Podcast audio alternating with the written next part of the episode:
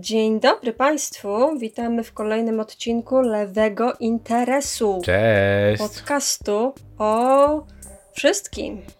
O tym, co wokół nas się dzieje i w nas również. I nad nami. I nawet pod nami czasami. Czasem pod nami. Ale rzadko. E, tak. I e, dzisiaj będziemy mówić o e, rzeczach e, ważnych. A nawet, a tym razem nawet trochę ważniejszych bym powiedział. Tak, teraz będziemy mówić o rzeczach takich bardzo, bardzo ważnych, w takim sensie, że teraz są, są pilne wręcz. Myślę, że często w dzisiejszych czasach się y, myli ze sobą pojęcia ważnego newsu i pilnego newsu. Bardzo mnie to wkurza, jak wchodzę do. do, do, do moi rodzice oglądają TVN24 ostatnio.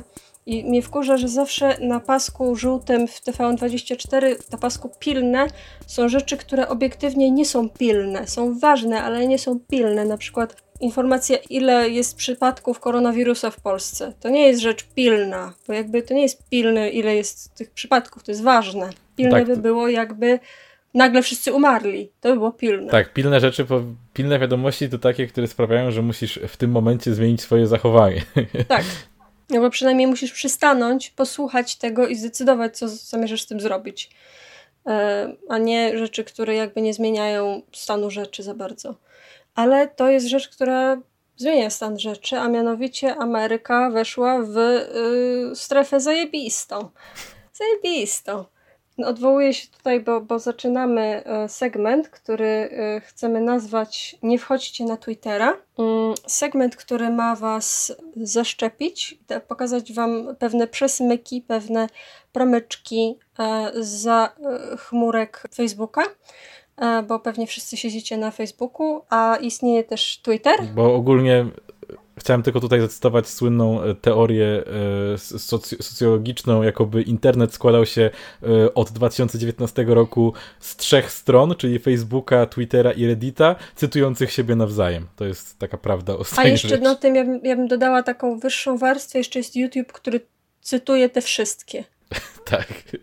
Jakby masz, masz kanały na YouTubie, które się składają wyłącznie z Iwony, która czyta teksty z Reddita, i tak samo jest dokładnie z, z tekstami, nie wiem, y, z, z, tekstami z Facebooka i tekstami z Twittera.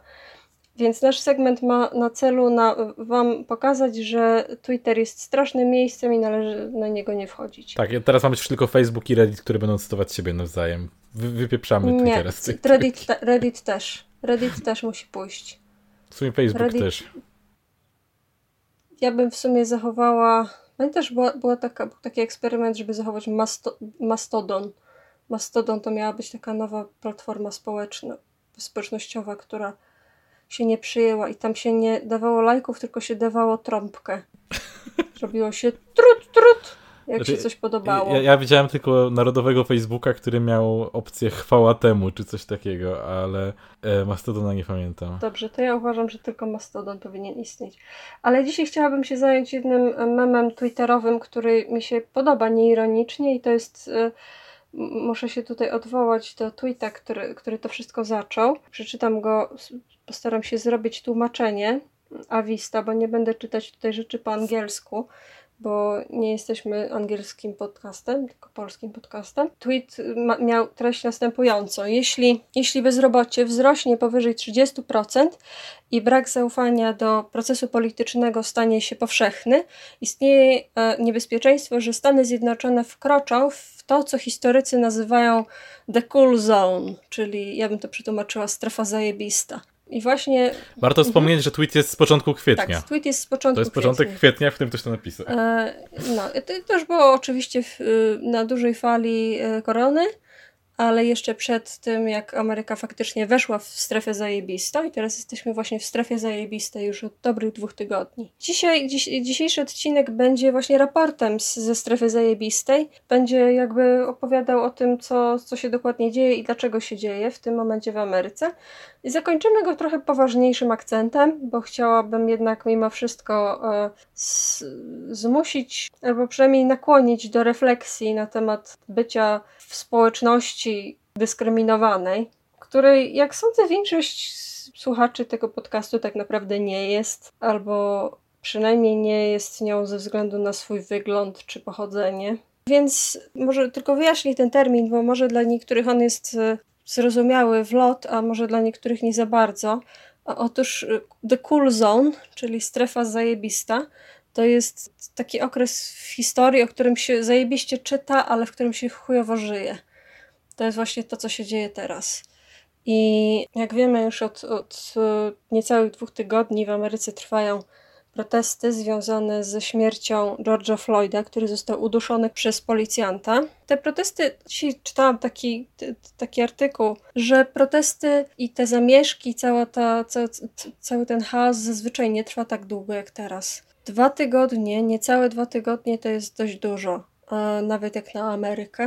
I, i, jakby ludzie się spodziewają, że tym razem to daje jakiś efekt. I na przykład burmistrz Los Angeles już się jakoś tam zobowiązał, że zmieni e, proces finansowania policji, że zostanie ono troszkę zmniejszone, większa jego część będzie przeznaczona na odpowiedni trening, odpowiednie przeszkolenie, również w zakresie rasizmu dla policjantów. Oczywiście idealną opcją jest to, żeby jakby zmniejszyć tą policję i zmniejszyć ją jak najbardziej, zmniejszyć zakresy jej obowiązków, ale no to jest jakiś tam pierwszy krok. Dzisiaj widziałam piękny, wspaniały film, jak e, burmistrz, on się nazywa Jacob Frey, który jest burmistrzem Minneapolis, poszedł do protestujących, bo on teraz chyba zmienił e, firmę PR-ową i ta firma PR-owa mu poradziła, żeby się kajał. I chodzi i płacze i płakał nad trumną tego George'a Floyda, bo to u niego właśnie w Minneapolis się wydarzyło. I przeprasza i obiecuje poprawę, ale go zapytali na tym proteście wprost, czy zamierzasz zmienić albo zmniejszyć finansowanie dla policji, to powiedział, że nie. I pięknie, to, to jest coś, czego nie jestem w stanie opisać słowami, ale takiego... Mm, no takiego bullyingu to już dawno nie widziałam, żeby komuś y, w twarz y, wielotysięczny tłum krzyczał, że jest zdrajcą i ma wypierdalać. To trzeba zobaczyć oczami i usłyszeć, co, jak, jak oni się zachowują, bo facet był faktycznie przerażony. Nie powinien się bać.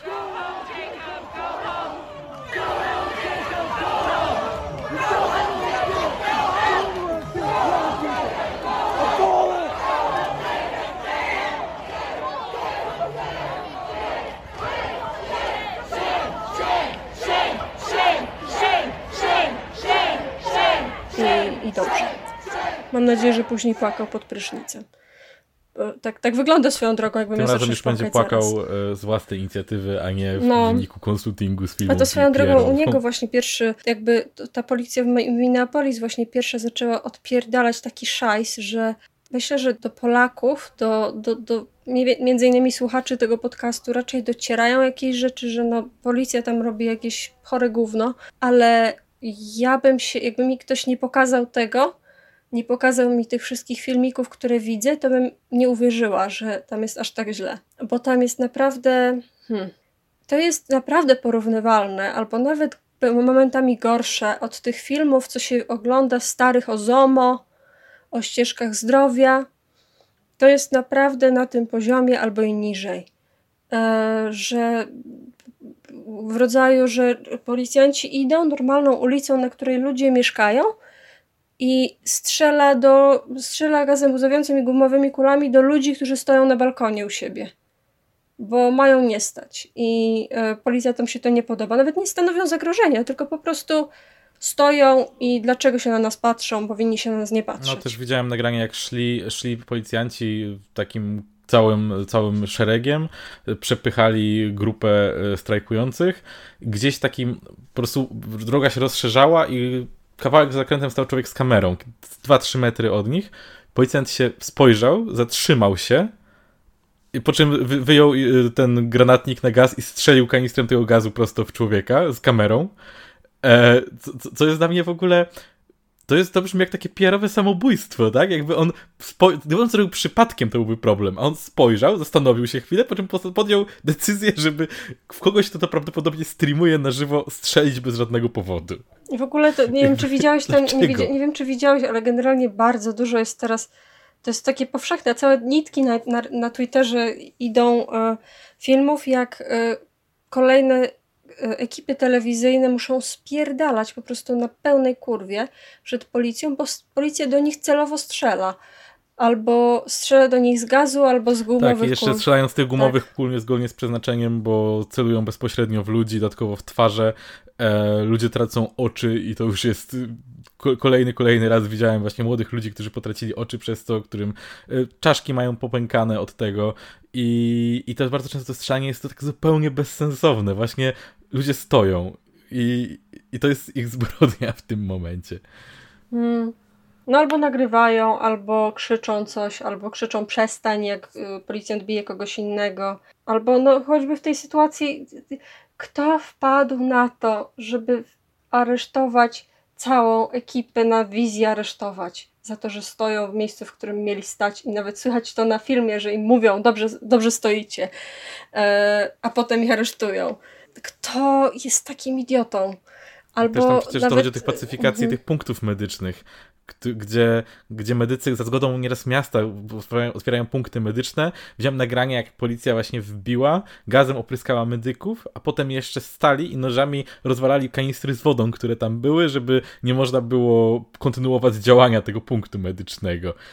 Jaki jest cel? To jest, to jest obrzydliwe po prostu. Ale obrzydliwe i głupie.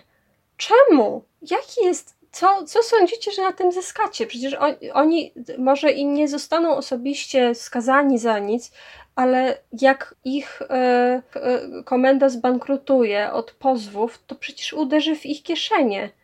Uderzy w ich emerytury, uderzy w ich pensje. Poza tym, poza tym to, to Nie- trwa tyle nie- czasu właśnie dlatego, że policja tak reaguje. Ta policja, ta policja jeszcze bardziej to wszystko e, nakręca. Właśnie jak, jak, za każdym razem jak myślę, że ludzie w końcu się zmęczą i przestaną to robić, to, s- to ostatnio była ta sprawa z tym staruszkiem, któremu głowę rozwalili o chodnik.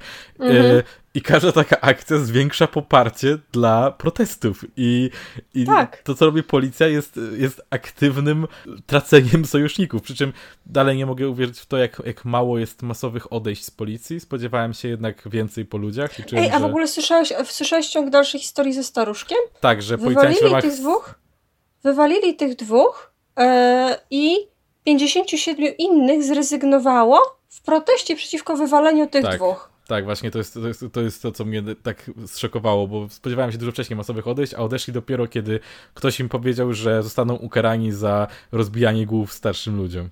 I to jeszcze, to było, nie wiem czy ktoś widział to, e, czy wszyscy, którzy słuchają, widzieli te, to nagranie, ale to było tak idiotyczne zagranie, to było tak, facet do nich podszedł, chyba w ogóle, e, potem oni mówili, że poszedł się z nimi kłócić, ale tak naprawdę on nawet nie był przeciwko nim, tylko chciał im oddać hełm, który ktoś zgubił. Podszedł do nich po prostu po to i oni go odepchnęli tak, że uderzył głową o ziemię i e, stracił przytomność i widać na tym filmie, że mija go chyba 30 policjantów, bo idą całą taką falangą i absolutnie nikt się nim nie zajmuje, tylko ludzie patrzą, o krwawi, leży w kałuży krwi i idą dalej. To jest absolutnie, nie wiem, nie, nie wyobrażam sobie czegoś takiego nigdzie w Europie. Po prostu jakby coś takiego się, jakby coś podobnego do, do tego, co się dzieje w Minneapolis się wydarzyło w Chinach, to nikt by nie gadał o niczym innym na świecie. Po prostu to by było na ranga Tiananmen albo coś w tym stylu Tak. o biciu protestujących, o, o zabijaniu protestujących, bo też ludzie giną od tego gazu. Giną ludzie, którzy mają choroby płuc, giną ludzie, którzy przeszli COVID, giną ludzie, którzy mają astmę.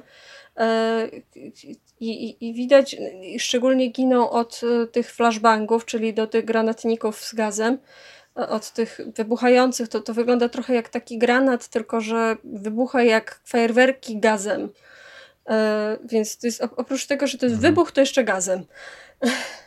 Więc nie wiem, dlaczego ktoś w Też ogóle była ta sprawa, że jakiś człowiek odrzucił granat w stronę policji właśnie z gazem i postawiono mu teraz zarzuty użycia śmiercionośnej broni na policjancie, co dobrze pokazuje, jaki mają stosunek do protestujących, bo apparently jak policja strzela gazem w ludzi, to to jest tylko crowd control, ale jeżeli ty rzucisz gaz, tym samym gazem w policjanta, to to jest śmiercionośna broń. Swoją drogą, widziałem jakieś statystyki, które pokazywały, jak absurdalnie e, dysproporcjonalna jest na przykład liczba aresztowań e, i śmierci, jeżeli popatrzymy sobie na wyniki strajków w Stanach, a e, w Hongkongu. Że w, w Hongkongu tych aresztowań na przestrzeni tylu miesięcy było dużo mniej niż na przestrzeni tych kilku dni tak naprawdę w Stanach. To jest dla mnie e, niesamowite, bo tam to się ciągle przedstawia jako przykład tej okropnej, totalitarnej, zgniłej chińskiej władzy, a tymczasem Stany e, robią dużo gorszą robotę dużo gorszą robotę. Ale też y, y, to, to jest coś, o czym się mniej mówi, bo to jest dość y, niedawne, ale na przykład w Nowym Jorku, w stanie Nowy Jork sędzia ogłosił, że od teraz nie ma limitu na liczbę godzin, na którą ktoś może zostać zatrzymany bez zarzutów. Wcześniej była taka zasada mniej więcej jak w Polsce, że 24 godziny, w Polsce jest chyba 48, 48? godzin, mhm. u nich było 24 godziny, teraz to sędzia to zniósł, bo uznał, że czemu nie nie ma tam demokracji, jakby nie ma, nie ma żadnego systemu, który, który miałby wprowadzać jakieś, jakieś, e, jakieś sankcje na tych ludzi. Po prostu dzieje się to, co e, chcą policjanci e, i dzieje się to, co chce władza. Ale też nie wiem, czy słyszałeś o tym, ale mm, jest, coś, jest taka instytucja jak niezależny obserwator, e, prawny obserwator e, ACLU. ACLU to jest Liga mhm. e, Praw Obywatelskich, Amerykańska Liga Praw Obywatelskich i oni na każdą demonstrację już od wielu lat wysyłają e, specjalnych obserwatorów, którzy są prawnikami, mają za zadanie przede wszystkim nagrywać, co się wokół nich dzieje i są bezstronni, czyli jakby jak ktoś powiedzmy robi zamieszki, robi rozpierduchę, to nie, nie reagują, ale też nie pomagają. Mhm. I mają specjalne takie czapki odblaskowe, mają napisane dużymi literami obserwator i jakby to jest na tyle znana i wieloletnia instytucja, że wszyscy wiedzą. Nikt się nie może wymawiać, że nie wiedział, kto to jest, tylko po prostu wiadomo, co to jest za instytucja. E, I od paru dni e, tych obserwatorów aresztują. I to bardzo brutalnie. Mhm. Strzelają do nich e, i, i, i jakby spróbował, jakby Hongkong spróbował coś takiego zrobić, to po prostu chyba naprawdę skończyłoby się jakąś rozpierduchą nuklearną w ciągu bardzo krótkiego czasu. E, tak, to byłoby totalne pogwałcenie wszelkich praw człowieka, ale mhm. jak robią to Stany, to to jest cena wolności po prostu, nie? Cena Zresztą, porządku. E, a propos ich, a propos ich totalnie, moim zdaniem, źle umieszczonych sentymentów. E, dzisiaj akurat widziałem, odkryłam w ogóle dzięki Twitterowi całą grupę ludzi, jakimi są e, polscy republikanie, którzy uwielbiają Donalda Trumpa i spędzają całe dnie e, masturbując się do tego, że Trump poszedł pod kościół z Biblią i tego typu rzeczy. E, autentycznie widziałem człowieka używającego określenia What a stud! Cóż za ogier!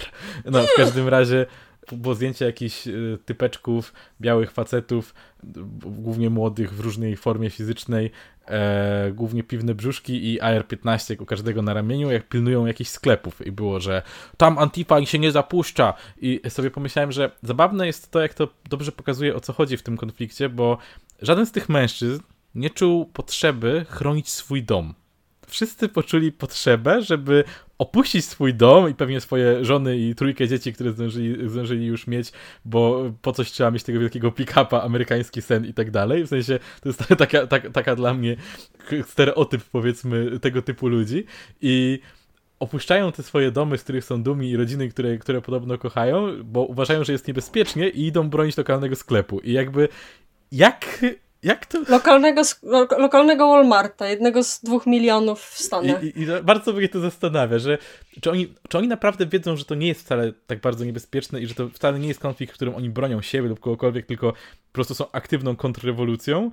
E, czy naprawdę jakoś myślą, że są potrzebni, żeby to bronić, ale zapominają o tym, że mają swoje rodziny i Walmart jest dla nich większą świętością po prostu. No ale też, też słyszę taki argument, że y, no, może i protesty tak, może i protesty słuszne, ale po co robić rozpierduchę, po co robić zamieszki, po co kraść ze sklepów.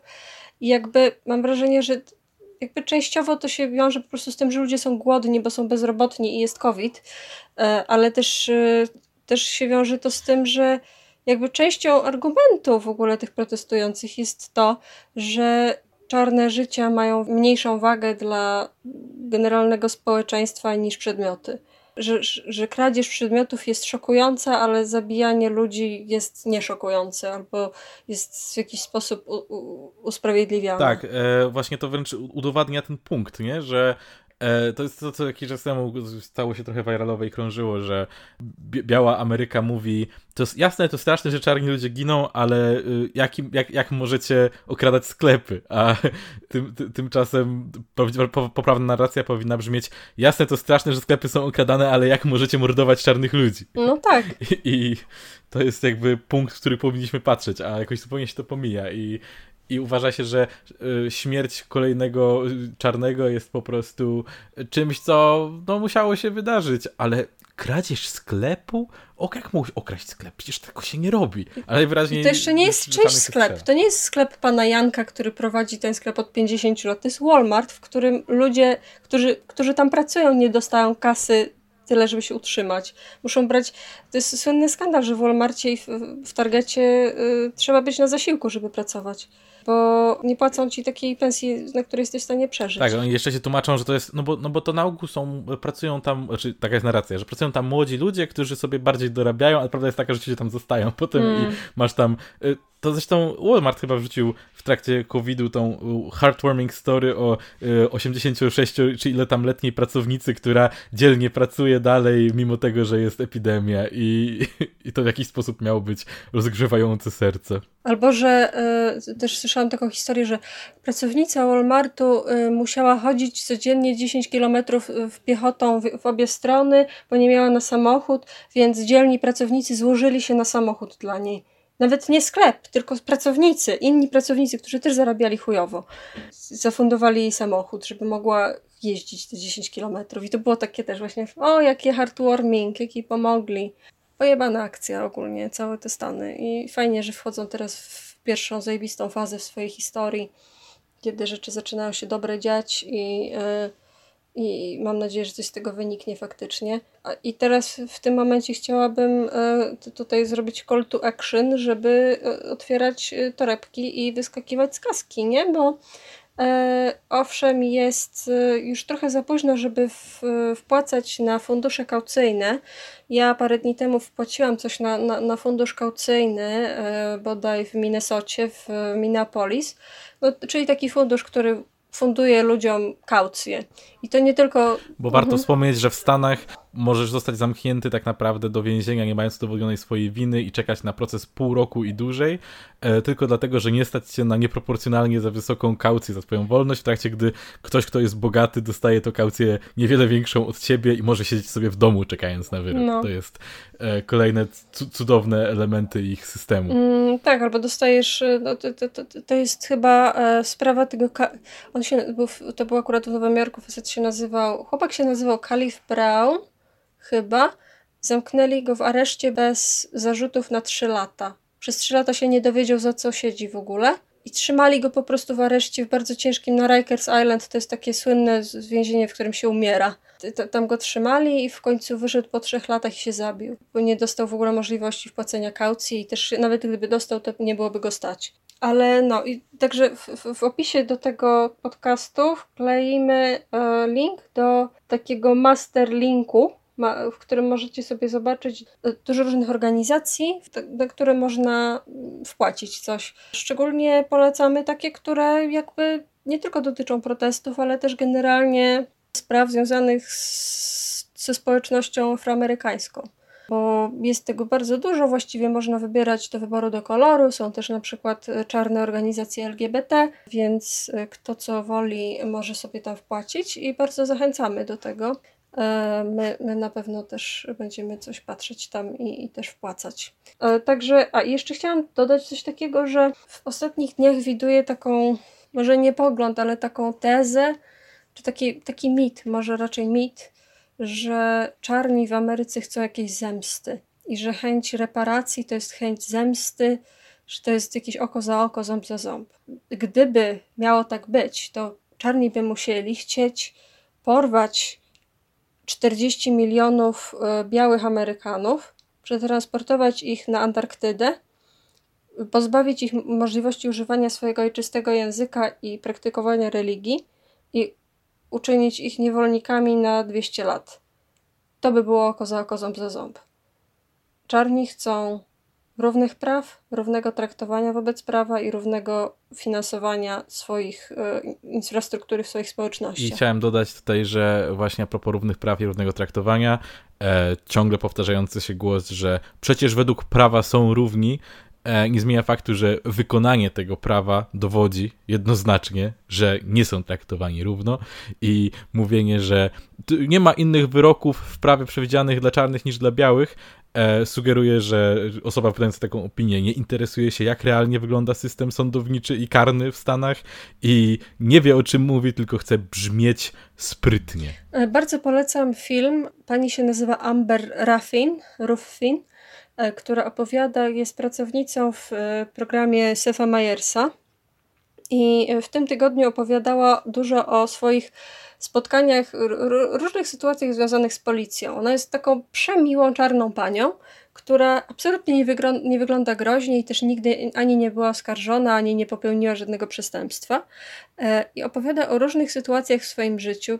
Właśnie w jaki sposób ten rasizm się przejawiał, jeśli chodzi o policję. Że na przykład raz została rzucona na maskę policyjnego samochodu, jakiegoś takiego policyjnego tanku, i, i przystawiono jej broń do głowy za to, że e, biegła po ulicy. Nie, nie że uciekała przez coś, po prostu biegła. Nie wolno biegać, jak pan policjant patrzy. I bardzo dużo tych historii jest tak absurdalnych, że myślę, że spokojnie można by było je wymienić na jakieś historie z PRL-u o, o zomowcach, o ormowcach i to i efekt byłby ten sam, efekt komiczny byłby ten sam. I to jest coś, o czym ona opowiada i ludzie w sekcji komentarzy na YouTubie bardzo się dziwią, że takie że, że, że kobiety, że czarne kobiety mają takie doświadczenia. Jak to możliwe? Myśleliśmy, że tylko czarni y, dealerzy narkotyków mają, przeżywają coś takiego. Co? Jak to możliwe? E, więc e, polecam zapoznać się i przede wszystkim polecam słuchać u źródła, nie słuchać polskich źródeł i nie słuchać przede wszystkim źródeł, które nie cytują w ogóle czarnych. Jasne, że są czarni, którzy tam mówią, że, że, że rasizm jest w przyszłości czy coś takiego i może warto tych ludzi też słuchać, ale ponieważ są oni w mniejszości, to po prostu ja bym zaczęła od tego, żeby słuchać tych osób, które opowiadają o swoich doświadczeniach z różnych perspektyw i nie, nie, nie słuchać historii o czarnych bez ich udziału. Nie słuchać nas. Tak, nie słuchać nas. Yy, dlatego Dobrze, że, że w ten sposób e, przechodzimy do, do, do końcówki mm, tego odcinka, bo chciałam na koniec oddać głos e, czarnej poetce, pani June Jordan, która napisała mój ulubiony wiersz, właśnie czarny, radykalny wiersz, feministyczno, wyzwoleńczo, e, antyamerykański. E, który jest absolutnie badaśny i uwielbiam go pod każdym względem, tak bardzo, że aż go przetłumaczyłam na polski, bo tak jak już mówiłam, chcę, żeby to, jest, żeby to był podcast przyjazny polskim robalom, więc przeczytam teraz na zakończenie ten wiersz. Ja w ogóle bardzo lubię, jeśli ktoś nie zauważył, to ja bardzo lubię poezję. Uważam, że to jest taki, taki, taki gatunek sztuki, trochę jak muzyka, że on jakby ci pokazuje czyjś stan świadomości, taki nieskazitelny sposób. Pokazuje ci czyjś stan ducha, tak wprost. Nie, jak słyszysz tylko historię, jak masz epice, masz tylko historię opowiedzianą z paru perspektyw, to to jest takie bardziej obiektywne, powiedzmy. A jak słyszysz y, poezję, to ona jest taka mega subiektywna, taka bardzo w centrum jest ta osoba i jej świadomość, i jej emocje. Więc bardzo, bardzo to lubię i bardzo Myślę, że jak się na, na poezję spojrzy od tej perspektywy, to jest ciekawsza. Więc przeczytam teraz wiersz. Od razu słowem kontekstu powiem, że on powstał w 76 roku. Działy się rozmaite rzeczy, bardzo rasistowskie w Stanach wówczas. Lata 70. są wspominane do dzisiaj jako ekstremalnie rasistowskie, bo to było zaraz po e, tym ruchu praw obywatelskich, kiedy coś tam zostało wywalczone, ale też wtedy był ten pierwszy backlash zawsze po takich dużych ruchach społecznych jest backlash i to był właśnie wtedy ten backlash, że e, czarni bardzo byli nielubiani generalnie, można tak powiedzieć. Pomniki, pomniki Konfederacji, e, tak, pomniki konfederatów, generałów i dowódców były wtedy masowo budowane. właśnie lata, później lata 60., wczesne lata 70., właśnie w odpowiedzi na to, żeby przypomnieć ludziom o niewolnictwie w pozytywnym świetle chyba, taka była chyba za tym idea. Hmm każdym razie na I południu. dokładnie w 76 roku była rewolucja w Angolii. Angol, Angola wtedy y, powstała przeciwko y, swojemu kolonizatorowi, czyli Portugalii e, i był, był tak, przez moment taki, e, był taki moment w historii, że RPA chciało ich najechać, e, bo RPA było nazistowskie oczywiście, znaczy no nie nazistowskie, faszystowskie i rasistowskie i bardzo nie chcieli mieć sąsiada, który no nie, nie bezpośredniego, ale sąsiada, który by był komunistyczny i proafrykański i antyzachodni. Więc to, to, to był wiersz napisany i dedykowany prezydentowi Republiki Ludowej Angolii, który był właśnie jednym z głównych rewolucjonistów. John Jordan.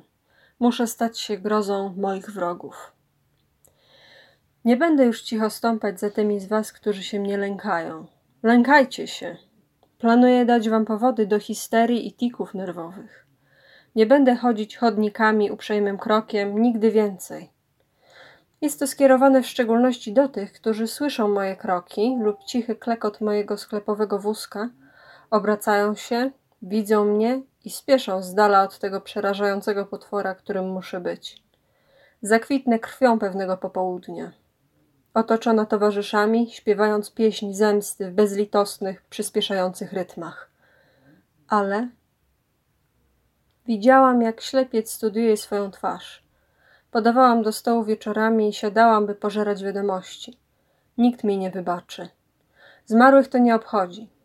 Żyję jak kochanka, która wrzuca monetę do budki telefonicznej, akurat gdy pociąg trzęsie całą stacją, marnując jej połączenie, odwołując sens jej wiadomości, pełnych sprzeciwu czy zapomnienia, ale spóźnionych.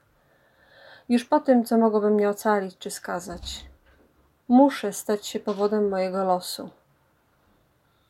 Ilu moich braci i moich sióstr zabiją, zanim nauczę się odwetu? Może wybierzemy jakąś liczbę, na przykład w RPA. Czy możemy się zgodzić, że więcej niż 10 tysięcy w mniej niż rok, ale mniej niż 5 tysięcy zamordowanych, w mniej niż 6 miesięcy? Co jest ze mną? Muszę stać się grozą moich wrogów. A jeśli kiedyś wam odpuszczę? Tym, których należałoby odparować z mojego wszechświata tym, których należałoby wypalić z powierzchni ziemi całkowicie, prawo porządkowe terrorystyczne gnojki pierwszego stopnia. Niech wówczas moje ciało zawiedzie duszę i zdradzi jej lubieżność. I jeśli przestanę kiedyś kochać, bo nienawiść i jej potrzepty staną się upiornym dyktatem, któremu będę posłuszna, w miejsce impulsów i rzeczywistości, kwietnych flamingów, moich dzikich drzew, mimozy, niech zatem ciepło miłości mnie opuści. Muszę, Muszę stać się grozą moich wrogów. I tego życzymy wszystkim protestującym w Stanach. Pozdrawiamy. Pozdrawiamy. Linki do różnych zbiórek są w naszym opisie i link do tego wiersza, do oryginału też wrzucę i może do mojego tłumaczenia też. A w ramach reklamowania to reklamujemy członkostwo w Antifie. E, w pakiecie jest strój, książeczka członkostwa Antify. Karta. E, oraz e, i rower. No i, no i w, w, comiesięczne przelewy od George'a Sorosa. Tak. I Trzaskowskiego. Dziękujemy, Dziękujemy. bardzo. Do usłyszenia. Pa. pa.